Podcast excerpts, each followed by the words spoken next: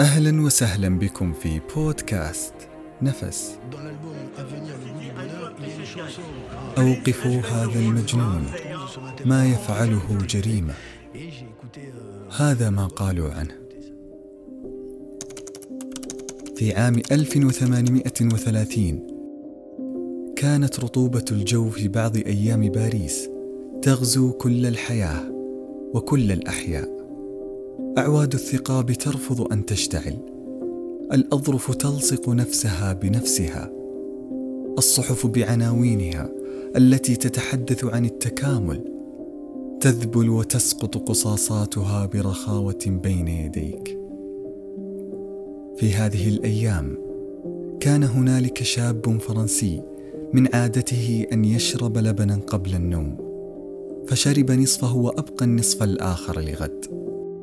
وفي اليوم التالي أراد شرب ما تبقى من اللبن لكن هذه المرة تغير عليه طعمه فهو ليس بالقوام الرشيق الخفيف ولا باللون الأبيض الجميل ولا بالطعم الممزوج بالملوحة والحلاوة فهنا كان أول سؤال يسأله لنفسه لماذا تغير طعم اللبن؟ فاتخذ غرفة في داره لعمل عدة تجارب لكن كانت تجاربه لا تأتي بنتيجة. وفي هذه الفترة رزق بولده الخامس والمحزن أنه بعد عدة أشهر توفي اثنان من أبنائه بسبب مرض غير معلوم. فعاد بهذه المشاعر الحزينة لفقده أعز أبنائه إلى مختبره الصغير في بيته وقد صف فيه القوارير والأنابيب الزجاجية ومصابيح الاشتعال وبعض اللبن وفواضل الطعام. وفي وسط هذه الكومة كان يمضي ساعات طويلة غير مبال لا بهندامه ولا بلحيته الطويلة ولا بوجهه الملوث بآثار ما حوله من مواد مختلفة وهو منغمس في تجاربه المعقدة باحثا عن إجابة لأسئلته. لماذا يحمض الطعام ولماذا يتخمر اللبن وهل لهذا رابط في وفاة أبنائه؟ فظل ظامئا لا ترتوي نفسه ولا تتبدد حيرته ولا تصفو حياته لأنه لم يجد إجابة لأسئلته.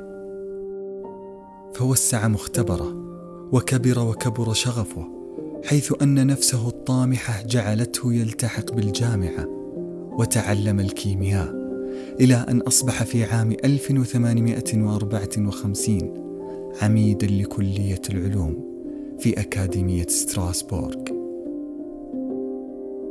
فبعد العديد من التجارب آلت أبحاثه إلى أن حقيقة التخمر هي أن في الهواء أحياء دقيقة جدا لا تقع عليها العين نسميها جراثيم أو ميكروبات. فخالفه العلماء معتقدين بأن لا وجود لما يسمى بالجراثيم وإن التخمر ما هو إلا تفاعل كيميائي ذاتي فقط. فبدأ تطبيق أولى تجاربه خارج معمله على أغنامه في الحديقة فحقنهم ببكتيريا محضرة مسبقا في معمله. فلاحظ أن أغنامه كانت تعتل ثم بعد عدة أيام تشفى إلى أن استطاعت مقاومة كميات ضخمة من البكتيريا. فنجحت تجربته على أغنامه في اكتسابهم المناعة وواصل التجارب على حيوانات عدة بتجارب مختلفة بكميات من بكتيريا محضرة بطرق مختلفة.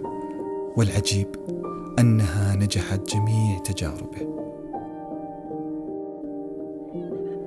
في عام 1885 أتته سيدة من أرياف فرنسا باكية حزينة تحمل طفلها البالغ من العمر تسع سنوات وقد عضه كلب مسعور في عدة أماكن من جسده الصغير فكانت تطلبه أن يبحث عن علاج لابنها.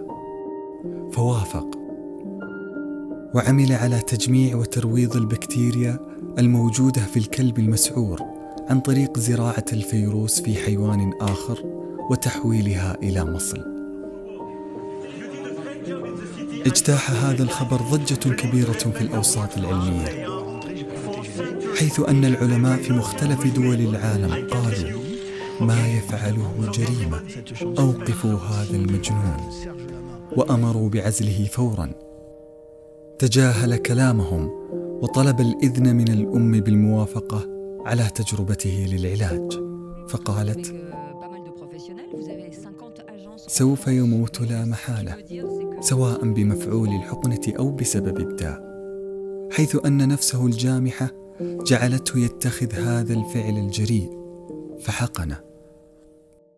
والمفاجأة أنه بعد عدة أيام استجاب الطفل لهذا العلاج واستعاد عافيته تدريجيا. وأصبح بذلك هذا الطفل جوزيف مايستر أول جسد بشري يحقن بلقاح. وما أن شاع نجاة هذا الطفل واسترجع صحته حتى دهشت جميع الأوساط العلمية من هذه التجربة التي تغلب فيها على خصومه فطالما تميز بالثبات على موقفه وقدرته على كسب الرهان فتردد خبر نجاح هذا العلاج السحري لجميع المسعورين الذين هبوا من كل بقاع أوروبا طالبين من هذا الدكتور النجاة من موت محقق. لكن من هذا الذي كان أول من اخترع لقاحات مضادة لداء الكلب والجمرة الخبيثة؟ إنه العالم الكيمياء الفرنسي لويس باستور. وبذلك لقب بأبو اللقاحات لأنه بعد عدة سنوات من وفاته واهتداء بأبحاثه. اكتشف لقاح التيفوئيد الذي قد أصاب ابنيه وتوفيا منه.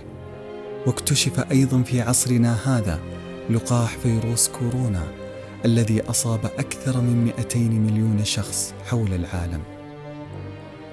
وفضائله عديدة على العلم.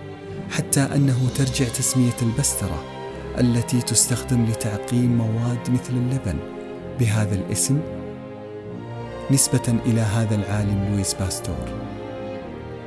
ويعتبر باستور منشئ نظرية جرثومية المرض وعلم الجراثيم. ويحتفل في 28 أيلول من كل عام باليوم العالمي لداء الكلب. ويوافق هذا التاريخ ذكرى وفاة العالم لويس باستور. والآن أكثر من ستين مؤسسة تحمل اسمه وهو بذلك يعتبر ثاني عشر أهم شخصية من الشخصيات التي غيرت مجرى التاريخ. ختاما وبلسان باستور.